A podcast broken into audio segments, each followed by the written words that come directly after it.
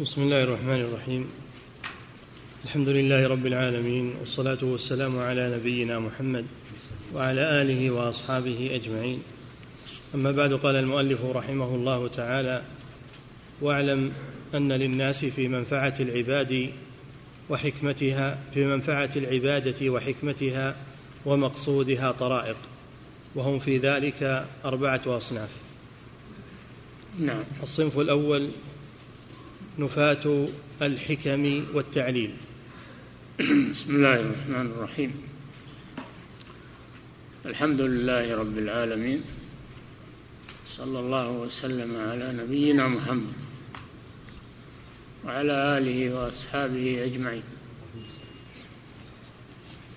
ما زال المؤلف رحمه الله يتكلم على معنى قوله تعالى إياك نعبد وإياك نستعين إياك نعبد العبادة.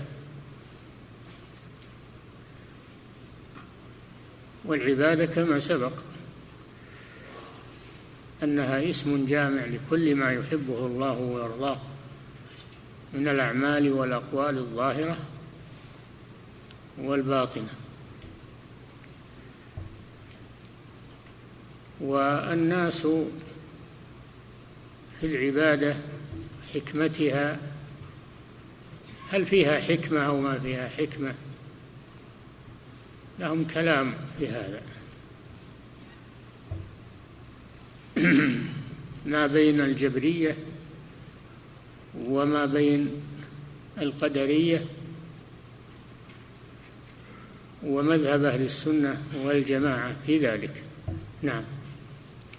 واعلم أن للناس في منفعة العبادة وحكمتها ومقصودها طرائق وهم في ذلك أربعة أصناف. الصنف الأول نفاة الحكم والتعليل الذين يردون الأمر إلى نفس المشيئة وصرف الإرادة. الصنف الأول الجبرية الذين يقولون العبادة ليس لها حكمة ليس لها حكمة وإنما نحن نفعلها لمجرد الأمر. طاعة للأمر فقط. طاعة للأمر أمر الله بها فنحن نفعلها إلا هي ليس لها ليس لها فائدة ولا حكمة. ويقولون إن أفعال الله كلها ليس فيها حكمة وإنما يفعلها لمجرد مشيئته وإرادته. فقط. ليس لأجل حكمة في ذلك. فينفون الحكمة عن الله جل وعلا ويجعلون أفعاله عبثا. ليس لها حكمة. وهذا مذهب الجبرية أول من قال به. تقول به الأشاعرة أيضا ينفون الحكمة. ويقول إن الله لا يفعل لأجل حكمة وإنما يفعل لمجرد مشيئته وإرادته. ولو عذب المطيع وأكرم العاصي فإن فإن هذا لمجرد إرادته لأنه يفعل ما يشاء. يفعل ما يشاء.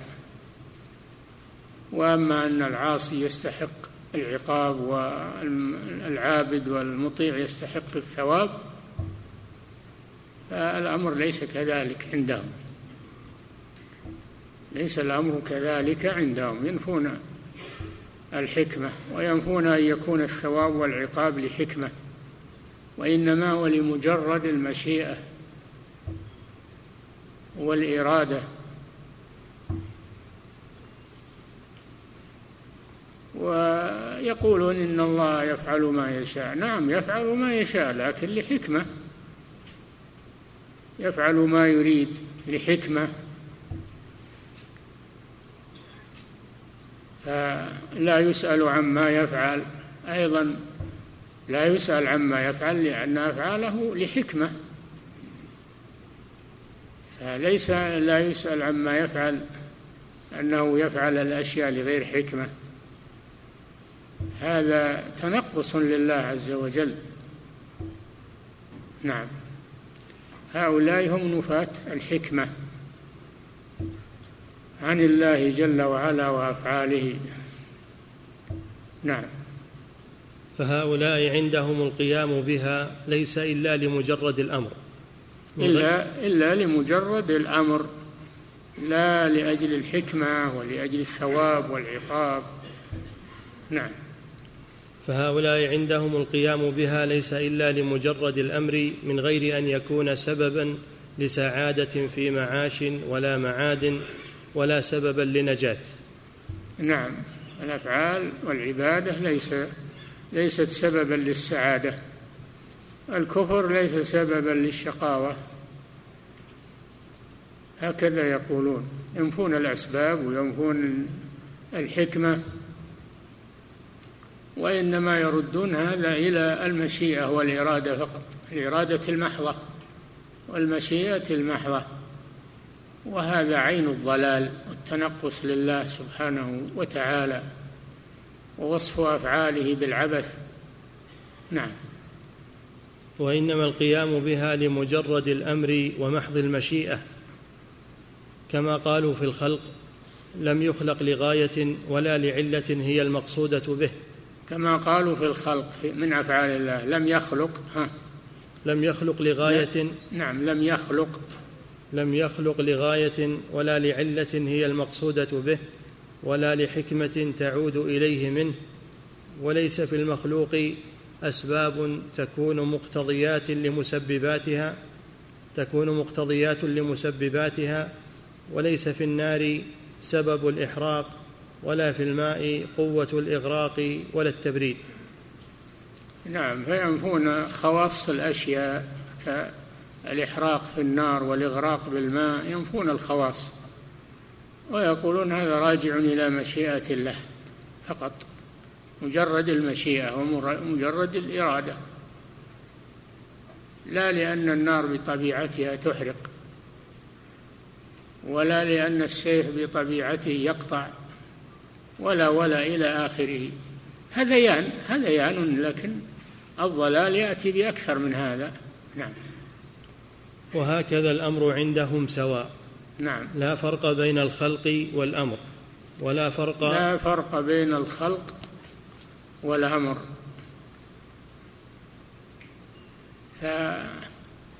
فالخلق هو الأمر والأمر هو الخلق. لا يفرقون بين هذا يعني الأمر هو الشرع. الأمر هو الشرع والخلق هو التكوين والإيجاد. ليس عندهم فرق بين هذا وهذا. الله جل وعلا قال ألا له الخلق والأمر. تبارك الله رب العالمين.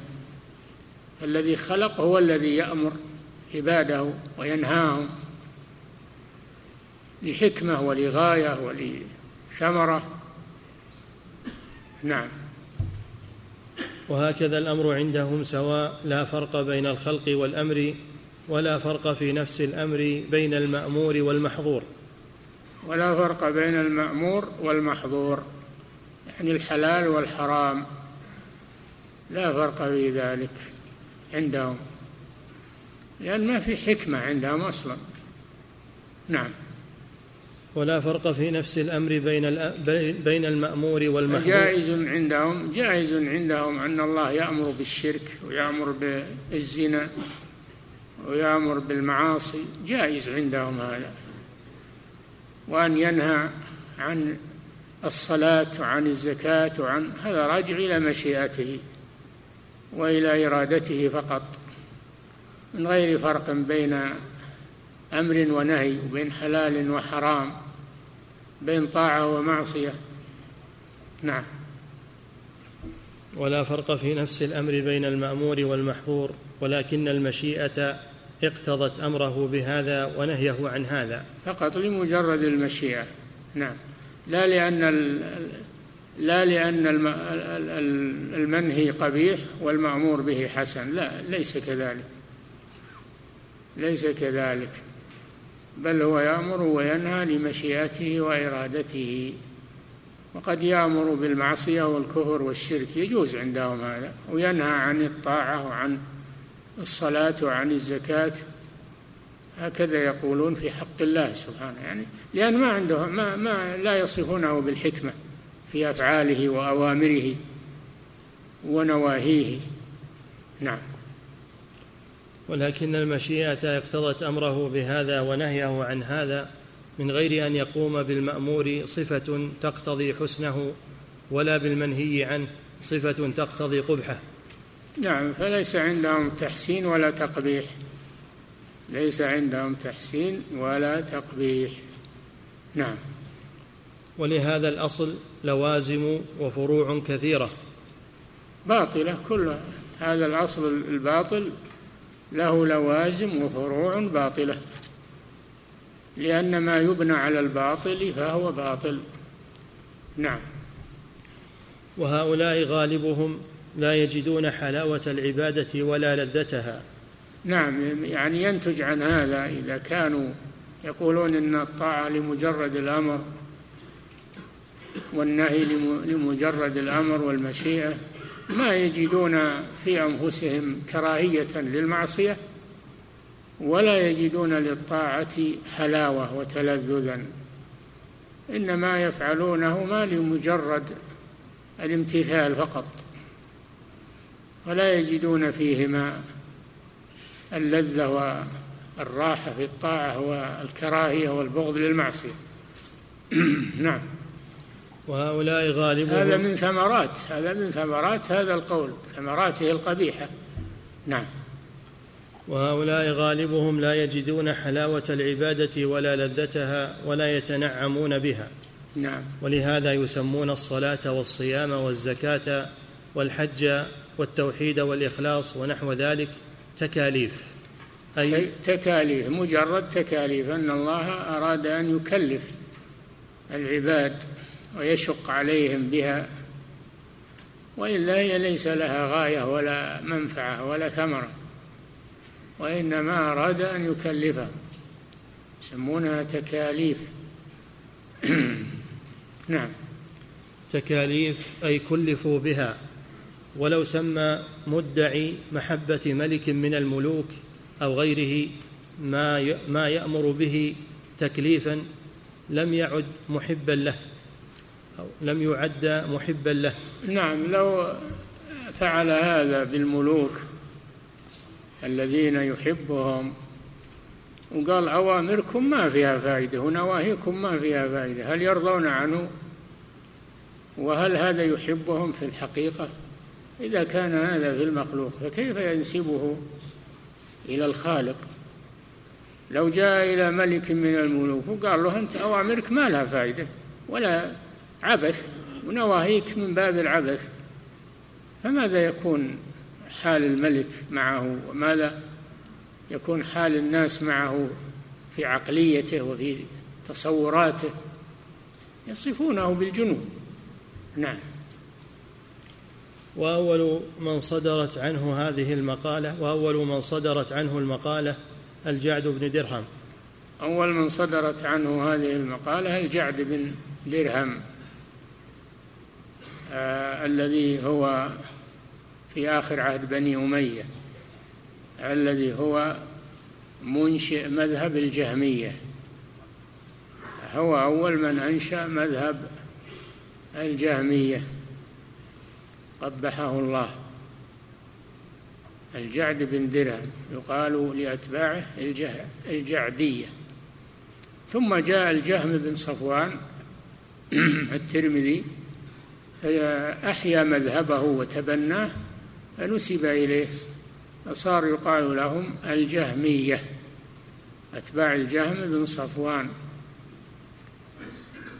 الذي قال إن الله لم يكلم موسى تكليما ولم يتخذ إبراهيم خليلا ولا ولا فقتله نصر بن سيار. خالد القسري قتله الأمير لبني أمية.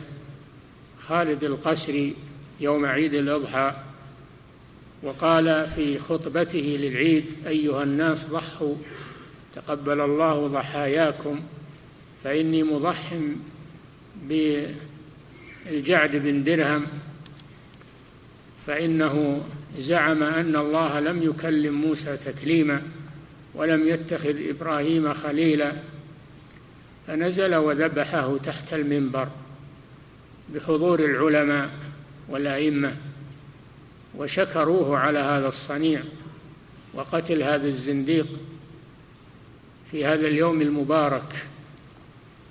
ولهذا قال ابن القيم ولأجلها ولأجل ذا ضحى بجعد خالد القسري يوم ذبائح القربان شكر الضحية كل صاحب سنة لله درك من أخي قربان.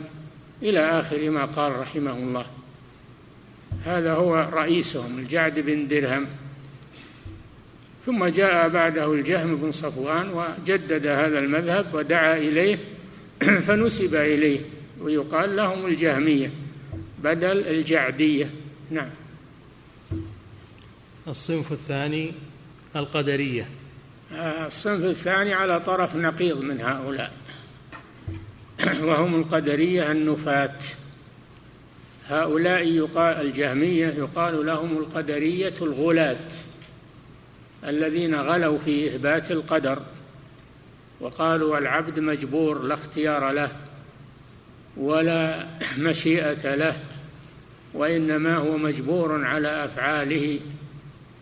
سموا بالجبرية. غلوا في إثبات القدر حتى نفوا أفعال العبد واختيار العبد ومشيئة العبد. وقالوا الأمر كله راجع إلى الله.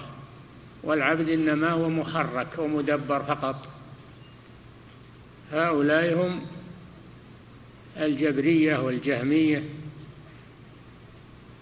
جمعوا بين جيم الجبر وجيم التجهم. نعم.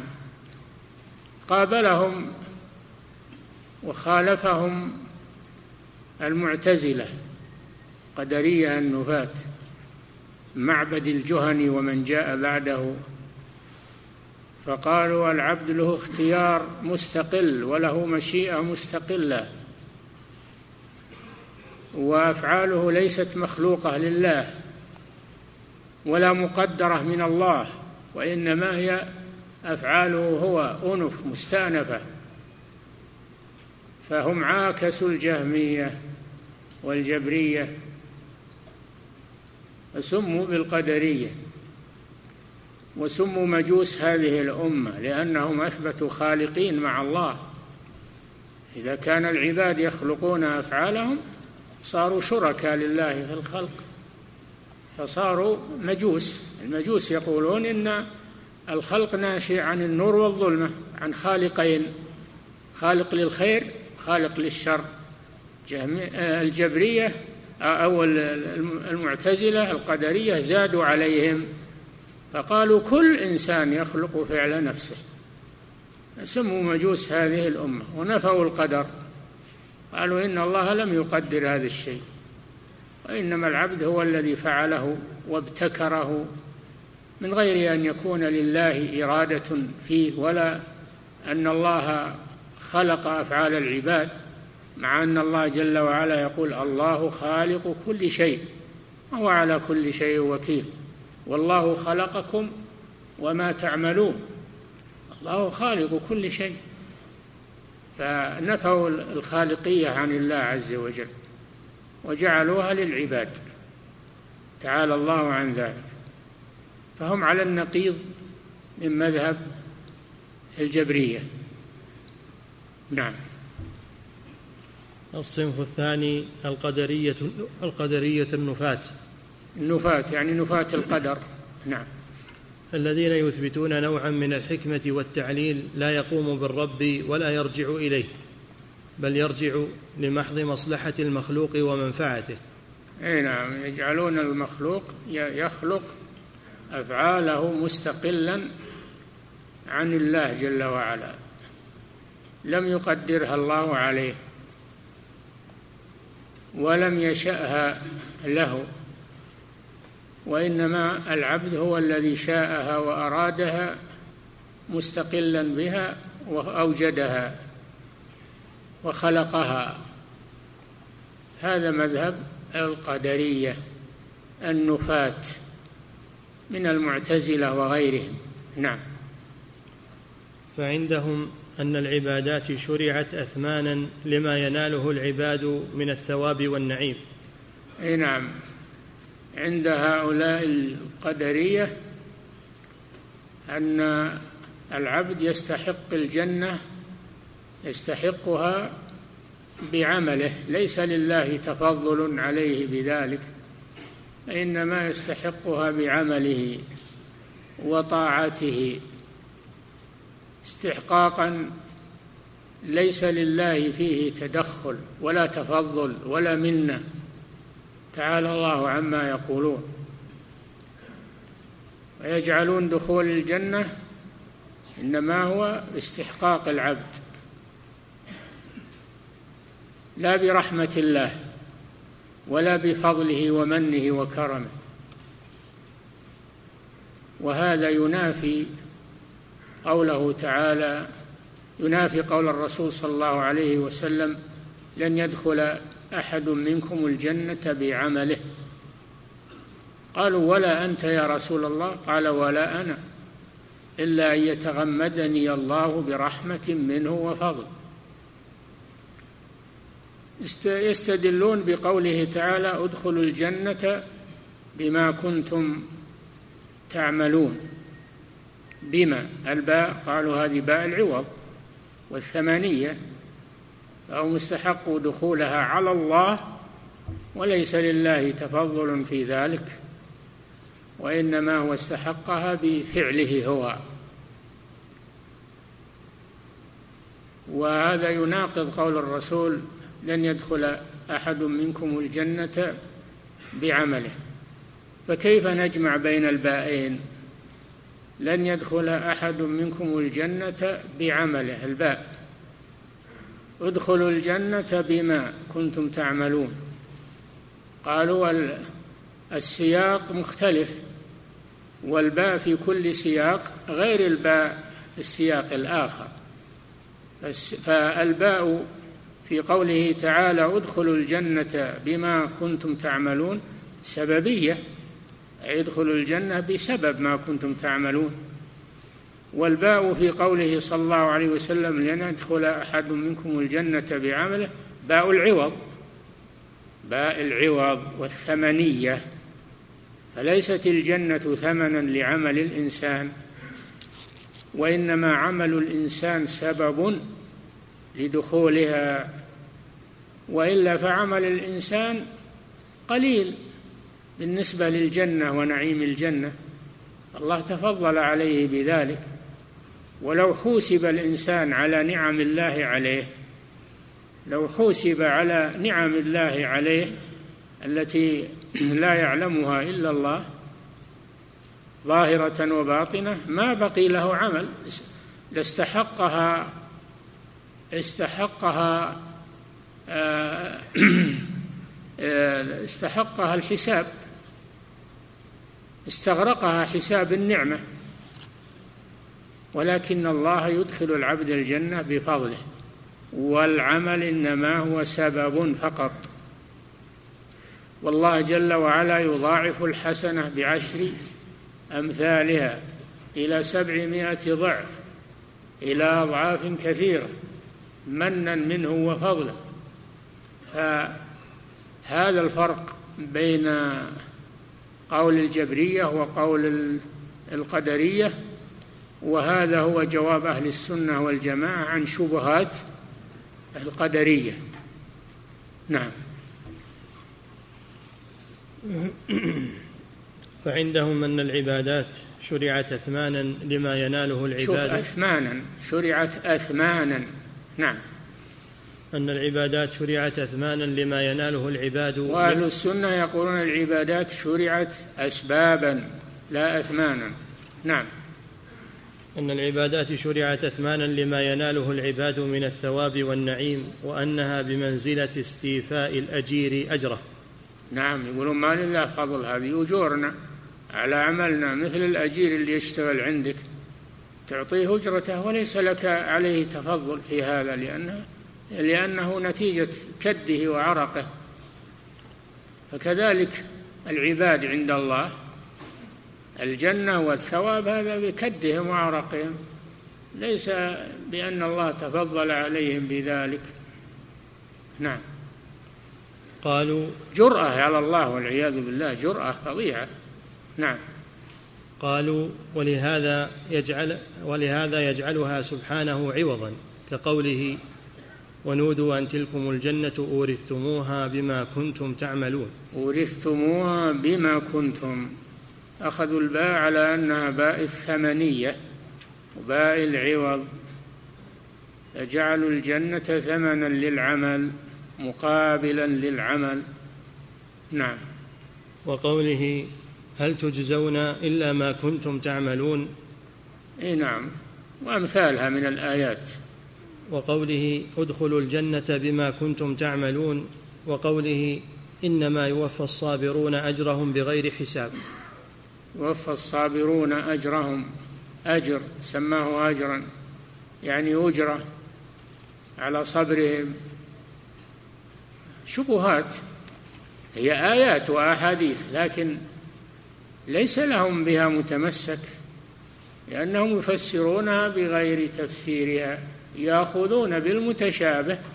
هذا هو الأخذ بالمتشابه الذي يقع به أهل الزيغ والضلال دون رده إلى المحكم.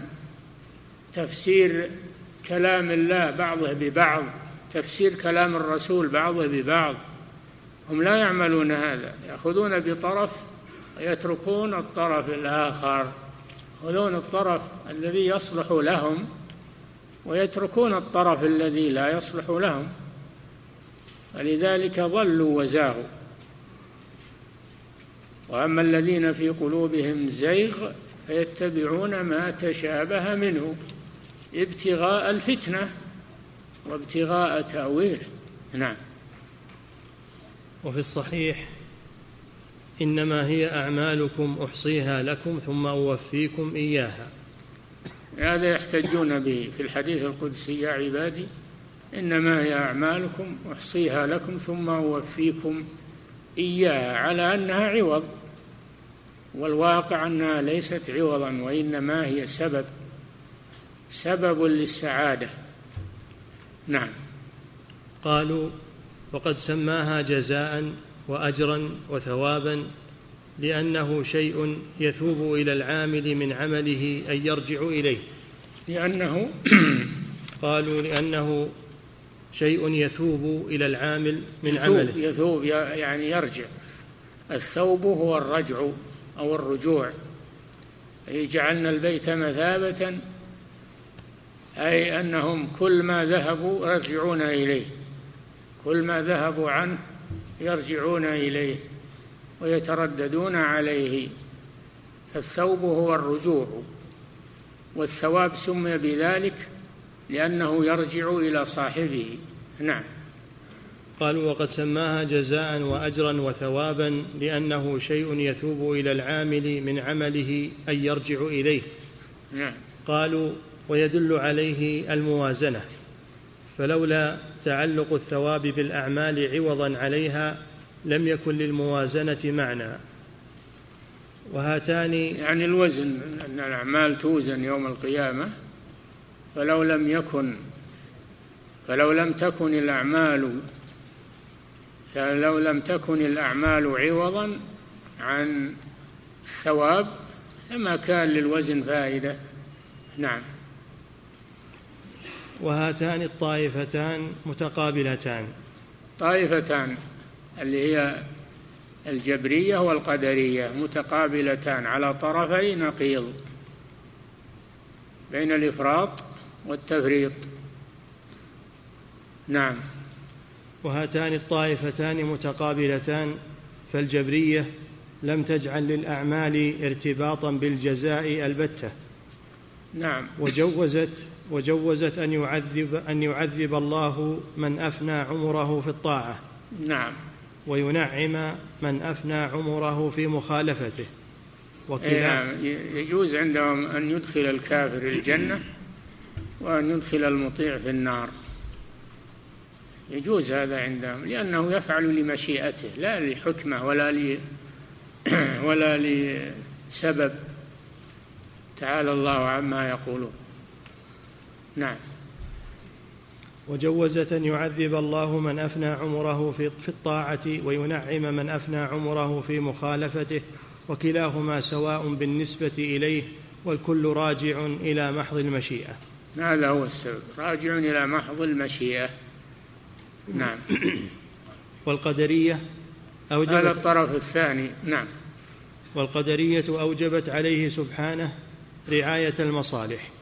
وجعلت ذلك كله ولذلك يقولون يجب على الله فعل الأصلح. هذه عبارتهم. يجب على الله فعل الأصلح. يوجبون عليه ويفرضون عليه سبحانه فعل الأصلح بزعمهم. نعم. والقدرية أوجبت عليه سبحانه رعاية المصالح وجعلت ذلك كله بمحض الأعمال. أرجعت هذا إلى الأعمال لا إلى فضل الله. ومنه وكرمه الذي يعطي على الحسنة عشر أمثالها إلى سبعمائة ضعف إلى أضعاف كثيرة. إن الله لا يظلم مثقال ذرة وإن تك حسنة يضاعفها. ولو كانت الأعمال عوضا للجزاء ما استحق أحد دخول الجنة لأن الأعمال قليلة والنعم كثيرة. فلو قوبلت النعم بالأعمال ما صارت الأعمال بالنسبة للنعم شيئا يذكر. نعم. وجعلت ذلك كله بمحض الأعمال وأن وصول الثواب إلى العبد بدون عمله فيه تنقيص. باحتمال وأن وأن وصول الثواب إلى العبد بدون عمله فيه فيه تنقيص باحتمال منة الصدقة عليه بلا ثمن. فجعلوا هذا كلامهم في حق الله. أنه ما هو بيعطيهم الجنة والجزاء تفضلا منه لأن هذا معناه المنة عليهم و, و وأنهم لم يستحقوا هذا الشيء وأن الله أعطاهم إياه ومن تمنن عليهم بذلك. فقاسوه على المخلوق. الذي لا يجوز له أن يمن على غيره أو يستكثر على غيره. نعم. فجعلوا تفضله سبحانه على عبده بمنزلة صدقة العبد على العبد. إي نعم قاسوا الله على العبد. كما أن العبد لا يجوز له أن يمن على غيره ويتكثر عليه يقول أنا عملت بك وأعطيتك وأنا وأنا. فيقاس الله على ذلك. ما يعطي عباده تفضلا وإنما يعطيهم استحقاقا لهم عليه كاستحقاق الأجير على المؤجر. نعم. وأن إعطاء ما يعطيه أجرة على عمله أحب إلى العبد من أن يعطيه فضلا منة بلا عمل. أي نعم هذا بين العباد. كونه العبد يعطي الآخر مقابل عمله أحسن من كونه يعطيه بدون عمل لأنه إذا أعطاه بعمله لم يكن له منة عليه. وأما إذا أعطاه بدون عمل صار له منة وصار يذكر هذا ويقول أنا فعلت وأنا أعطيتك. فكذلك الله تعالى الله عما يقولون عندهم. إنه ما يعطي الجزاء والجنة تفضلا وإنما يعطيها استحقاقا للعبد. ليس لله منة في ذلك. نعم. فهؤلاء فهؤلاء والذين لم يجعلوا للأعمال تاثيرا في الجزاء البتة طائفتان منحرفتان عن الصراط المستقيم. نعم الجب الجبرية والقدرية. طائفتان منحرفتان عن الصراط المستقيم الذي هو قول أهل السنة والجماعة. نعم. عن الصراط المستقيم وهو أن الأعمال أسباب موصلة إلى الثواب. انتبهوا هذا هو قول أهل السنة والجماعة. أن الأعمال أسباب موصلة إلى الثواب لا كما تقوله الجبرية ليست أسبابا. نعم وليست موجبة للثواب كما تقوله القدرية. نعم. وهو أن الأعمال أسباب موصلة إلى الثواب والأعمال الصالحة من توفيق الله وفضله. نعم. الله, بل الله يمن عليكم أن هداكم للإيمان. إن كنتم صادقين. فالله هو الذي يمن على عباده بالإيمان بالجنة بالأعمال الصالحة. نعم. والأعمال الصالحة من توفيق الله وفضله وليست قدرا لجزائه وثوابه. ليست قدرا يعني ليست ثمنا لجزائه وثوابه. جزاؤه وثوابه أكثر من ذلك وأكثر وأكثر. الجنة ما فيها ما لا عين رأت ولا أذن سمعت ولا خطر على قلب بشر ودائمة مؤبدة أيضا. عمل الإنسان قليل. عمره قليل لو أفناه بالطاعة ما يقابل الجنة أبدا. لكنها تفضل من الله. والعمل إنما هو سبب يوصل إلى الجنة. نعم. والأعمال الصالحة من توفيق الله وفضله وليست قدرا لجزائه وثوابه بل غايتها إذا وقعت على أكمل الوجوه أن تكون شكرا على أحد الأجزاء القليلة من نعمه. نعم. فالله لا يعطيهم الجنة على أنها مستحقة لهم وإنما يعطيهم إياها شكرا على أعمالهم. يشكرهم سبحانه وتعالى. إن هذا كان لكم جزاء وكان سعيكم مشكورا. والله شكور حليم سبحانه وتعالى. نعم. بل غايتها إذا وقعت على أكمل الوجوه أن تكون شكرا على أحد الأجزاء. شكرا يعني من الله جل وعلا. الله شكور يشكر لعبده. نعم. أن تكون شكرا على أحد الأجزاء القليلة من نعمه. نعم. فلو عذب أهل سماواته وأهل أرضه لعذبهم وهو غير ظالم لهم. ولو رحمهم لكانت رحمته لهم خيرا من أعمالهم. هذا حديث عن الرسول صلى الله عليه وسلم. لو عذب الله أهل سماواته وأهل أرضه لعذبهم وهو غير ظالم لهم. كيف؟ لأنهم لم يقوموا بحقه كما على التمام. ما أحد يقوم بحق الله على التمام أبدا. حتى الرسول صلى الله عليه وسلم يقول لا أحصي ثناء عليك. أنت كما أثنيت على نفسك. فلو أن الله حاسبهم على نعمه وعلى فضله وإحسانه لهلكوا جميعا. ولكن الله يتفضل سبحانه وتعالى ويشكر على القليل ويضاعف الحسنة إلى عشر أمثالها إلى سبعمائة ضعف إلى أضعاف كثيرة. وإلا لو حاسب العباد لهلكوا ولكنه سبحانه يتفضل عليهم. والقليل يضاعفه كثيرا فضلا منه وإحسانا. فلو عذبهم كلهم لاستحقوا العذاب لأنهم لم يقوموا بحقه على التمام لأن حق الله لا يمكن لأحد أن يقوم به. حتى رسول الله صلى الله عليه وسلم يقول لا أحصي ثناء عليك أنت كما أثنيت على نفسك. ولو رحمهم لكانت رحمته أوسع من أعمالهم. لو رحمهم رحمته واسعة سبحانه وتعالى. فهذا معنى الحديث. ليس معناه ما قالت الجبرية لو عذبهم لكان غير ظالم لهم لأنه يفعل ما يشاء. لا.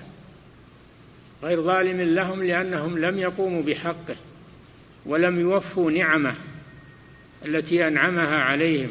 من الذي خلقهم؟ من الذي وفقهم؟ من الذي رزقهم؟ من الذي هداهم؟ هو الله سبحانه وتعالى. نعم. وتأمل قوله تعالى وتلك الجنة التي أورثتموها بما كنتم تعملون. رجع إلى الجواب عن شبهتهم في الباء. نعم. وتأمل قوله تعالى وتلك الجنة التي أورثتموها بما كنتم تعملون مع قوله صلى الله عليه وسلم لن يدخل أحد منكم الجنة بعمله. يعني كيف توفق بين الآية والحديث؟ الآية تقول بما كنتم تعملون ظاهرها أن الجنة ثمن. الحديث يقول لا لن يدخل أحد منكم الجنة بعمله. فالحديث والآية مختلفان في الظاهر.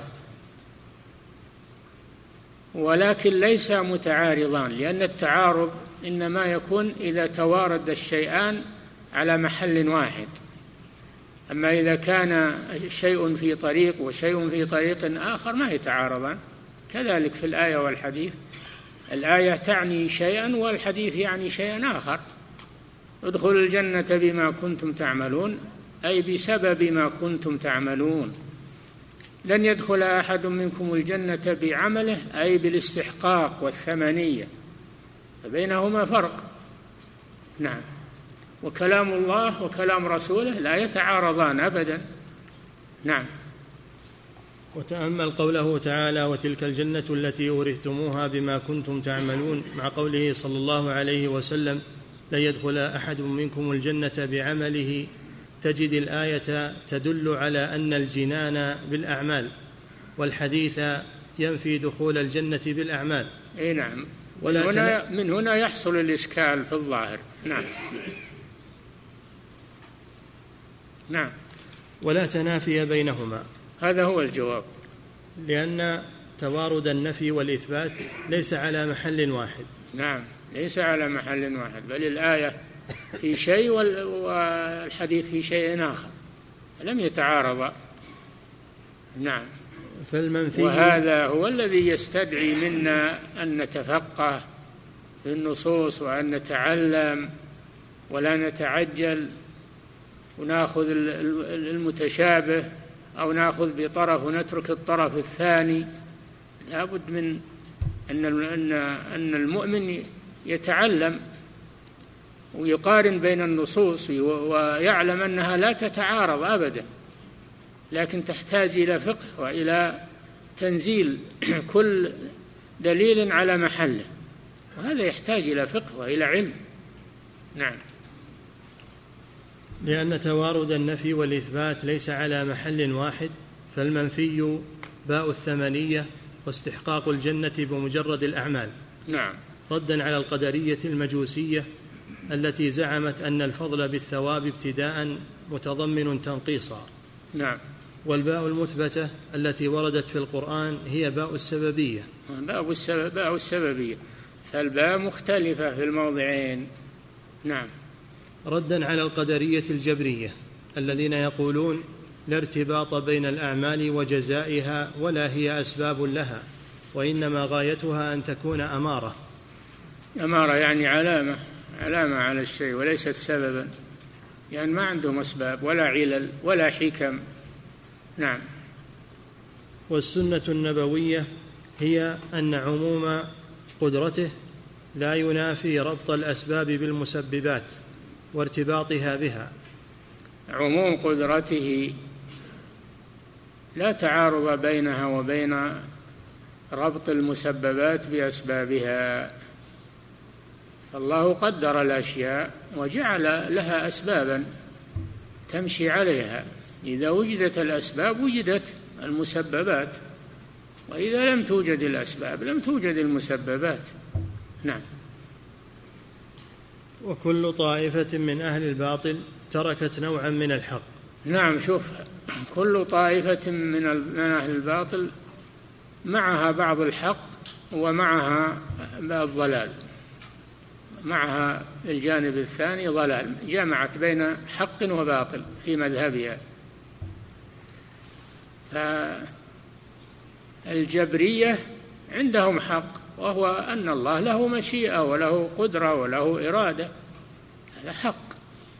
لكن ليس معنى هذا أن العبد ليس له مشيئة ولا قدرة ولا إرادة. هذا باطل.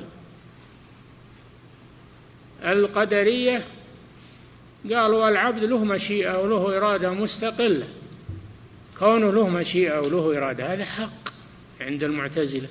لكن كونها مستقلة ولا علاقة لها بإرادة الله ومشيئة الله هذا باطل. فأهل السنة جمعوا بين هذا وهذا. تركوا الباطل وأخذوا الحق من كل مذهب. أخذوا الحق من كل مذهب وتركوا الباطل. نعم. وكل طائفة من أهل الباطل تركت نوعا من الحق فإنها ارتكبت لأجله نوعا من الباطل بل أنواعا. نعم هذا عام في كل الطوائف. كل الطوائف يكون عندها حق من بعض الوجوه لكن عندها باطل. نعم. وكل طائفة من أهل الباطل تركت نوعا من الحق فإنها ارتكبت لأجله نوعا من الباطل بل أنواعا. فهدى الله الذين آمنوا لما اختلفوا فيه من الحق بإذنه. هذا هو المذهب الوسط مذهب أهل السنة والجماعة. نعم. الصنف الثالث. يكفي نقف عند هذا. الله تعالى أعلم وصلى الله وسلم على نبينا محمد. هذه فوائد عظيمة وأصول عظيمة من أصول العقيدة. نعم. يقول فضيلة الشيخ وفقكم الله لماذا فرقوا بين الخلق والأمر؟ وهل يترتب على ذلك شيء؟ الخلق غير الأمر يا أخي. الخلق الإيجاد والتكوين. وأما الأمر فهو الشرع. فهو الشرع الذي أنزله الله عز وجل على رسله. هذا الأمر. الذي خلق هو الذي يأمر. ألا له الخلق والأمر نعم. يقول فضيلة الشيخ وفقكم والذي لا يخلق ليس له أمر. الأصنام وال والأضرحة والقبور لا تخلق. إذا ليس لها أمر ونهي ولا تشريع ولا تحليل ولا تحريم. نعم. يقول فضيلة الشيخ وفقكم الله من يقول إن العبادات الغرض منها تحسين الأخلاق فهل قوله صحيح؟ لا هو صحيح. هذا أخذ جانب فقط. نعم العبادات فيها تحسين أخلاق لكن ليس هذا هو المقصود منها. المقصود منها أكثر من هذا. نعم. يقول فضيلة الشيخ وفقكم الله تحدث أحد الوعاظ في مسجد وقال مستنبطا من قصة إبراهيم عليه الصلاة والسلام قال إن النار لا تحرق بذاتها وإن السكين لا تقطع بذاتها. هذا قول الجبرية. هذا قول الجبرية. لا الله جعل النار تحرق. تحرق وجعل السكين تقطع. لكن إذا شاء سبحانه منعها. إذا شاء منع النار من الإحراق ومنع السكين من القطع. نعم. يقول فضيلة الشيخ وفقكم الله في قوله سبحانه وتعالى وما كان لمؤمن ولا مؤمنة إذا قضى الله ورسوله أمرا أن يكون لهم الخيرة من أمرهم. هل يدل هذا على أن الأوامر من الله تكاليف وإن لم تظهر حكمتها لنا؟ هم يقولون تكاليف لكن التعبير فيه نوع غرابة. ما تسمى تكاليف. التكاليف يعني أنها تكلف وتشق على الناس. ما هي بتشق على الناس ولا تكلفهم؟ هي ميسرة. ولله الحمد. وما جعل عليكم في الدين من حرج. فالتعبير غير مناسب. لأوامر الله ونواهيه يقال إنها تكاليف. نعم.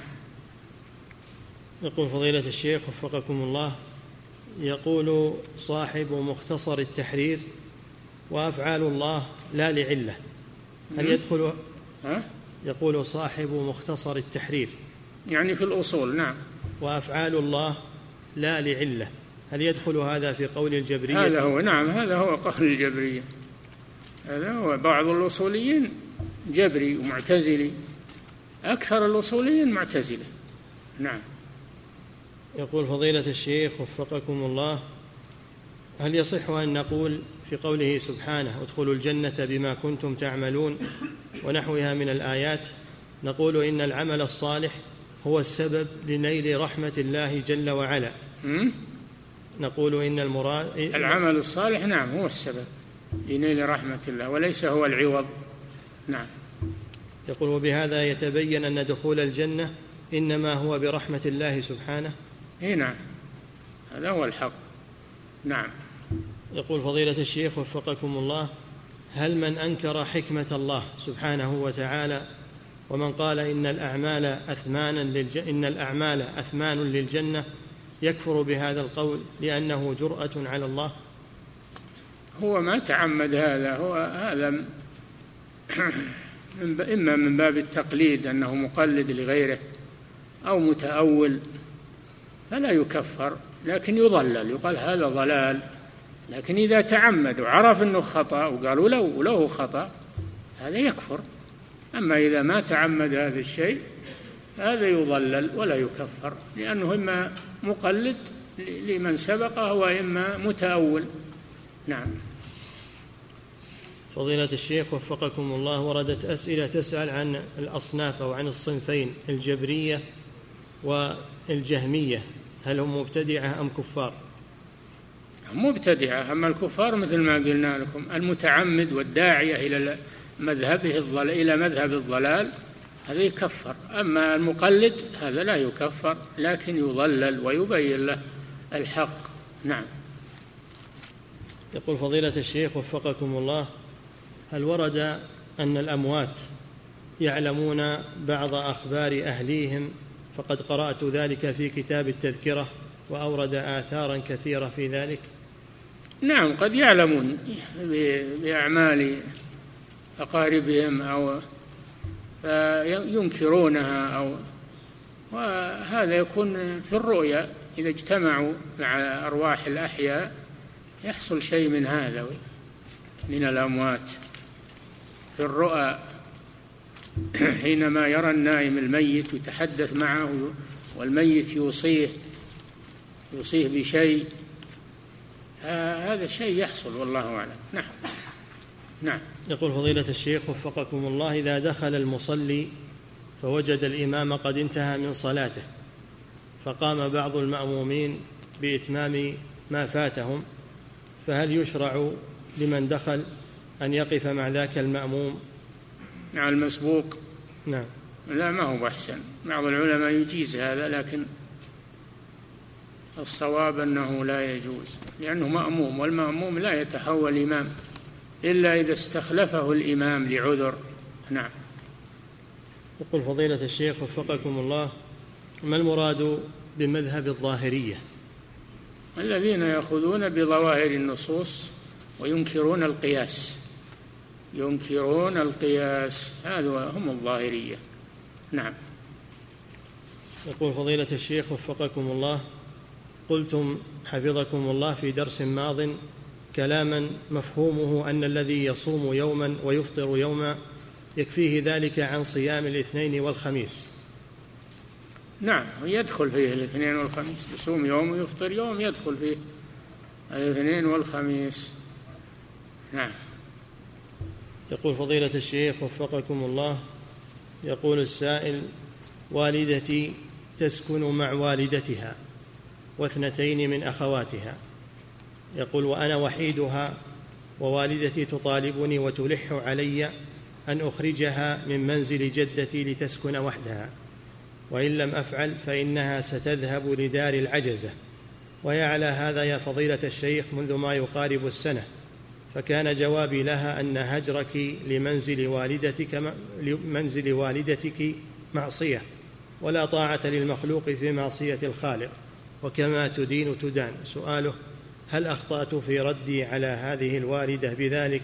وما نصيحتكم لي؟ حفظكم الله. أنت نصحت مجرد نصيحة ولكن قد يكون هناك أسباب. قد يكون هناك أسباب تقتضي هذا الذي حصل. فأنت ابحث عن الأسباب. ما هي؟ أول شيء وعالجها ابحث عن الأسباب التي جعلت هذه المرأة تخرج ابنتها أو تبعدها لا بد فيها أسباب. ابحث عنها وعالجها. جزاك الله خير. نعم.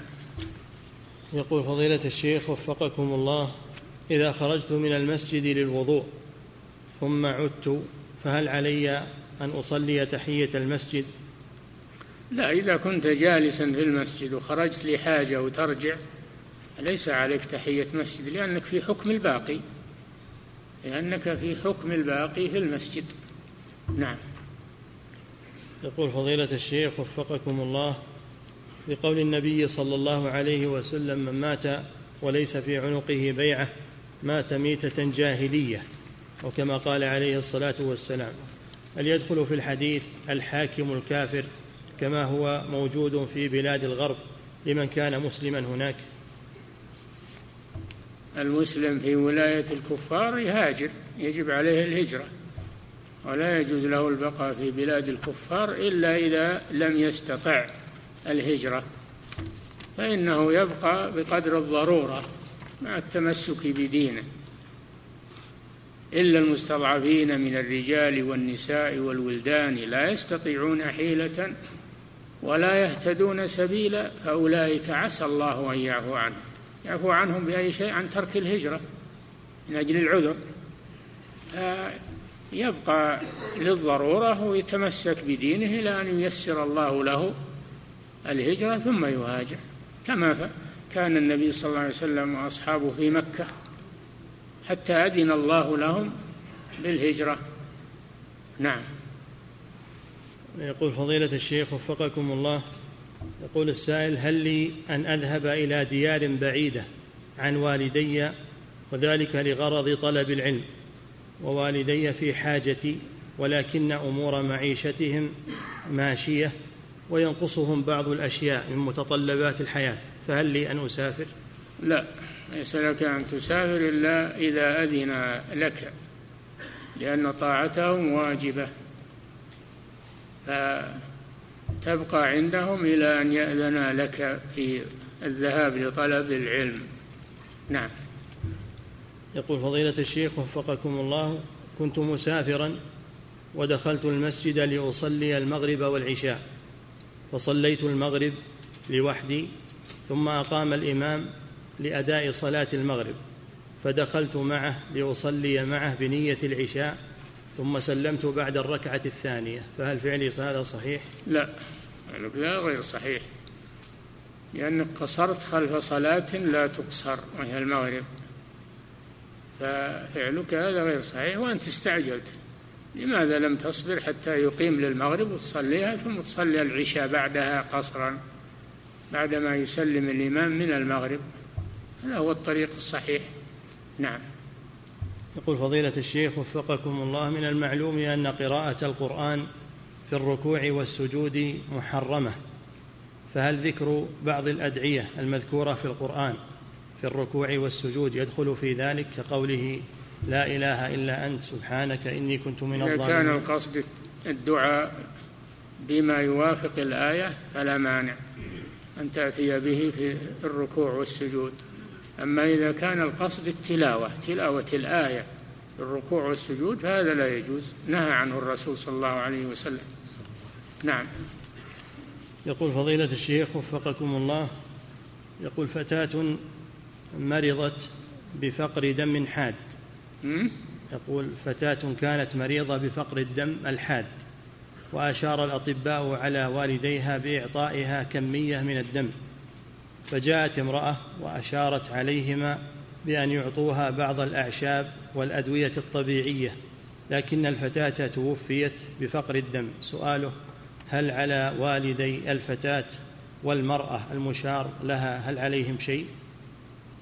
لا شك أنهم فرطوا حيث أطاعوا المرأة التي لا خبرة لها وخالفت الأطباء الذين هم أهل الخبرة وأهل العلاج هي أخطأت في هذا لكنها مجتهدة تريد للفتاة الخير والبقاء لكنها أخطأت في هذا اللي يظهر لي؟ ما عليها كفارة.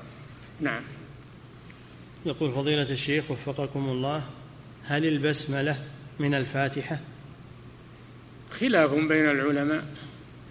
الذي يرى من الفاتحة يجهر بها والذي لا يراها لا يجهر بها وهم الجمهور.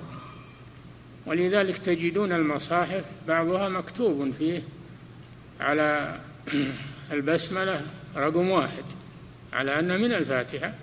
وبعض المصاحف لا يكتب على البسملة شيء لا يكتب عليها رقم لأنها ليست من السورة وإنما هي آية مستقلة كما هو مذهب الجمهور. نعم. يقول فضيلة الشيخ وفقكم الله ما المراد بقولهم إن هذا بيعتين في بيعة. نعم إذا قلت أبيع عليك بيتي بشرط أنك تبيع علي بيتك. ما أبيع عليك إلا بشرط تبيع علي هذه بيعتين في بيعة. نعم. يقول فضيلة الشيخ وفقكم الله يقول صلينا الظهر اليوم ثلاث ركعات ثم نبه الإمام بعد نهاية الصلاة على النقص فاستدار وأتى بركعة. سؤاله هناك من خرج فور الصلاة؟ حيث إنه بجانبي رجل قد خرج وأنا أعرفه فما حكم صلاته؟ وهل يجب علي أن أخبره بذلك؟ نعم. يجب عليك أن تخبره يعيد الصلاة لأنه طال الفصل بين تكميل الصلاة بالركعة فطال الفصل فيعيد الصلاة من أولها. نعم. أما لو أنه ذهب ولا ولا درى هو معذور لكن ما دام إنك تشوفه علمه يجب عليك تبلغه في هذا. نعم. يقول فضيلة الشيخ وفقكم الله رجل له عدة سنوات وهو في مكة يريد أن يحج فإذا جاء الحج إذا جاء وقت الحج أصيب بمرض فهل له أن ينيب أحدا حيث إن عمره خمسة وستون سنة؟ ما ينيب أحدا الفريضة إلا إذا أيس من الحج إذا بأن كان المرض مزمنا لا يرجى له شفاء ولا يستطيع معه الحج فإنه ينيب من يحج عنه. أما ما دام المرض يرجى له شفاء ويرجى زواله فإنه ينتظر والحمد لله. الأمر واسع في هذا. نعم. يقول فضيلة الشيخ وفقكم الله هل الوارث والواسع تعد من أسماء الله عز وجل؟ واسع عليم. ما يقال واسع بس. واسع عليم كما جاء في القرآن. نعم. يقول فضيلة أما الوارث إنا نحن نرث الأرض. هذا فعل ما هو ما هو باسم إنا نحن نرث الأرض. ومن ونحن الوارثون. فهذا ما يذكر وحده إنما يذكر مع ما قبله في سياق في سياق الآية. نعم. يقول فضيلة الشيخ وفقكم الله. فالأسماء التي جاءت مقيدة وفي سياق لازم يذكر السياق. نعم. يقول فضيلة الشيخ وفقكم الله شخص فاتته صلاة العصر مع الجماعة واستيقظ قبل أذان المغرب بنصف ساعة. نعم. شخص فاتته صلاة العصر مع الجماعة واستيقظ قبل أذان المغرب بنصف ساعة وهو وقت ذهاب السيارات لهذا الدرس فإن صليت العصر في بيتي فاتني الدرس ولا أجد سيارة تأتي بي إلى هنا. فهل يجوز لي أن أصلي العصر بالمسجد بعد فوات وقت الصلاة؟ أم لا, علي؟ لا ما يجوز لك هذا ما يجوز لك. العصر فريضة حضورك الدرس هذا مستحب. صل العصر وتلحق إن شاء الله بالسيارة. اطلب من راعي السيارة ينتظر دقيقتين أو ثلاث دقائق صلي وتركب السيارة، نعم. يقول فضيلة.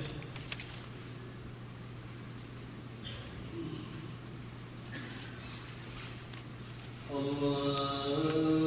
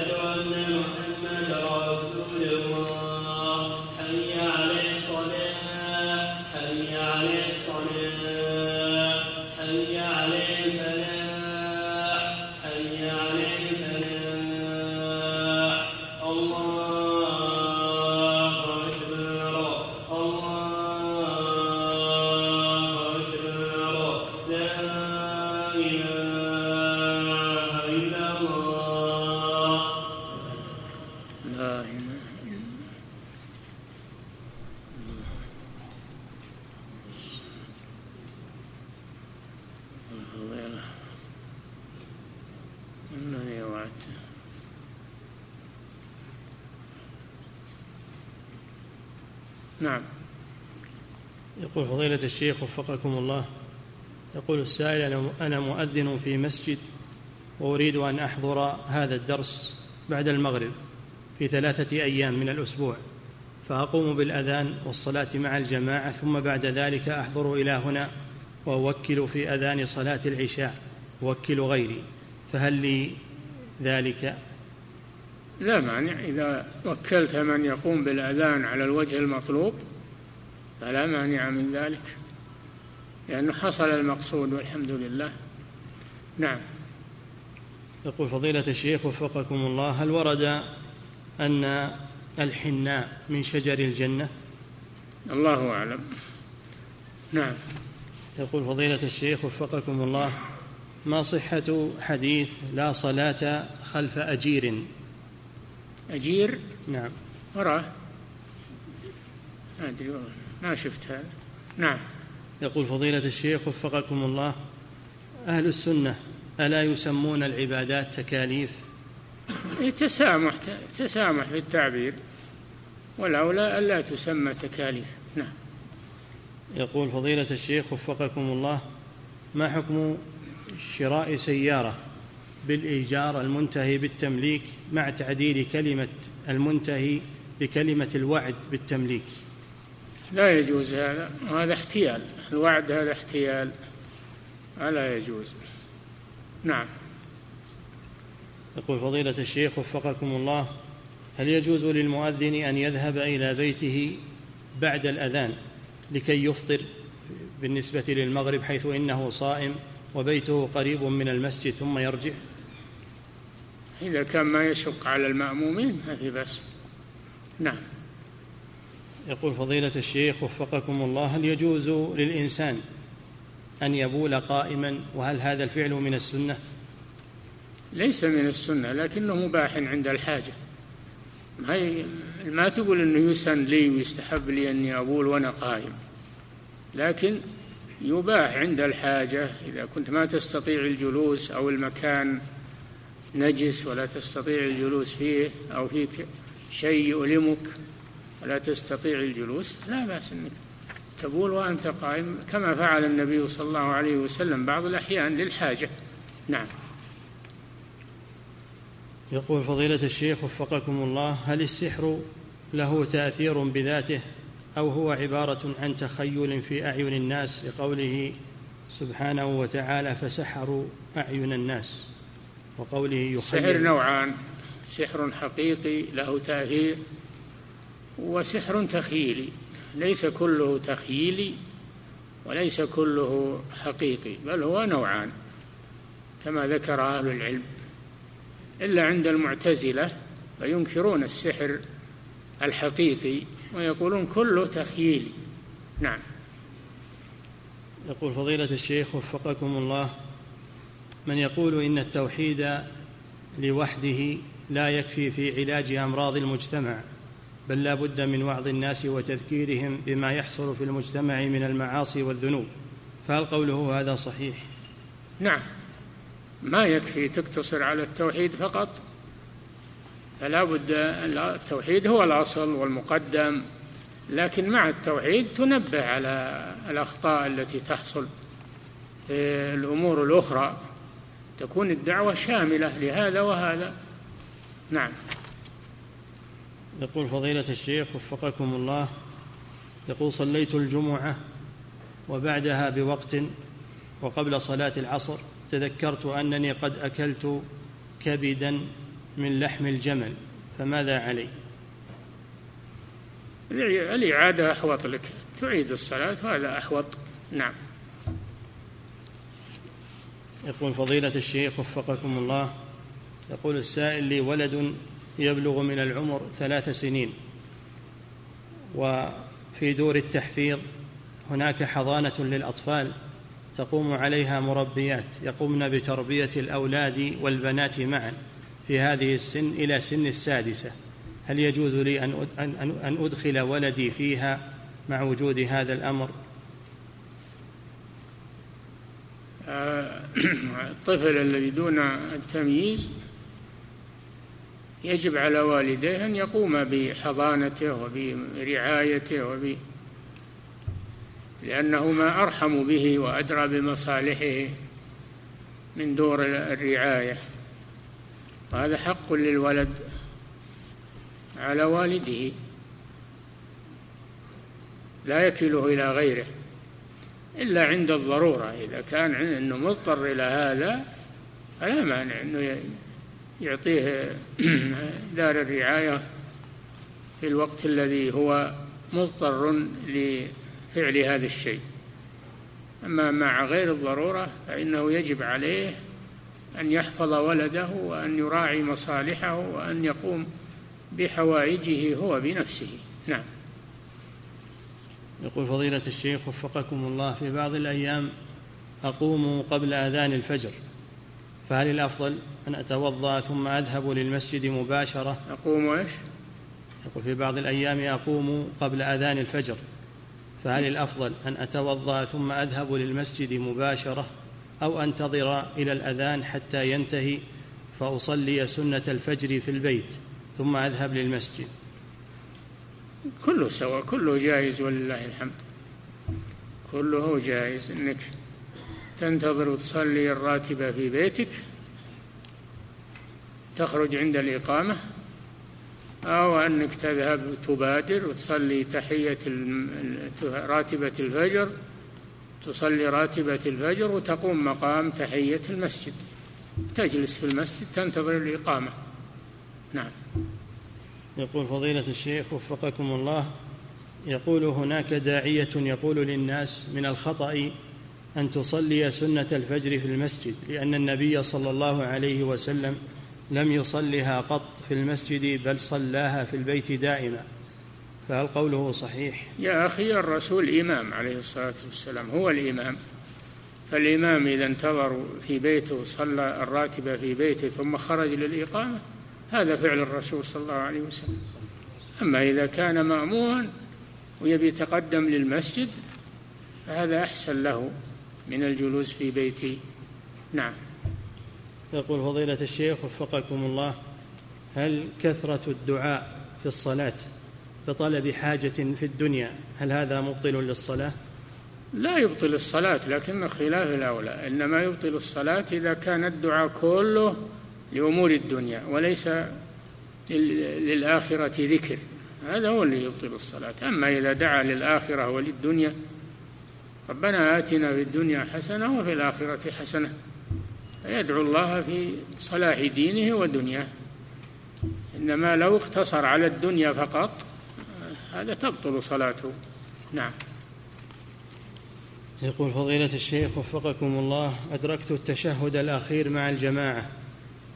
فسمعت جماعة يقيمون الصلاة فقلبت النية إلى نافلة وصليت ركعتين بعد سلام الإمام ثم لحقت بهم فصليت الفريضة مع الجماعة الثانية. هل فعلي هذا صحيح؟ ولماذا يقلب الفريضة إلى نافلة وهو مع جماعة؟ وش الداعي لهذا؟ ما له داعي. يكمل صلاته وهو مع جماعة والحمد لله. ولا يقلبها إلى نافلة لأنه ليس هناك حاجة إلى قلبها. نعم. يقول فضيلة الشيخ وفقكم الله. يقول ما حكم ما يسمى بتلقيح السحاب بالطائرات؟ وهل هو جائز شرعا؟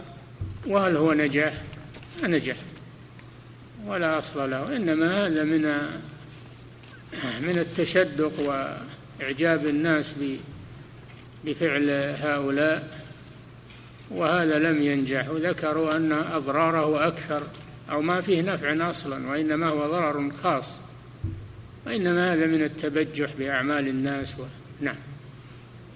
يقول فضيلة الشيخ وفقكم الله هل يجب على من سافر إلى بلاد أهل الكتاب هل يجب عليه أن يسأل عن طريقة ذبحهم للذبائح قبل أن يأكل؟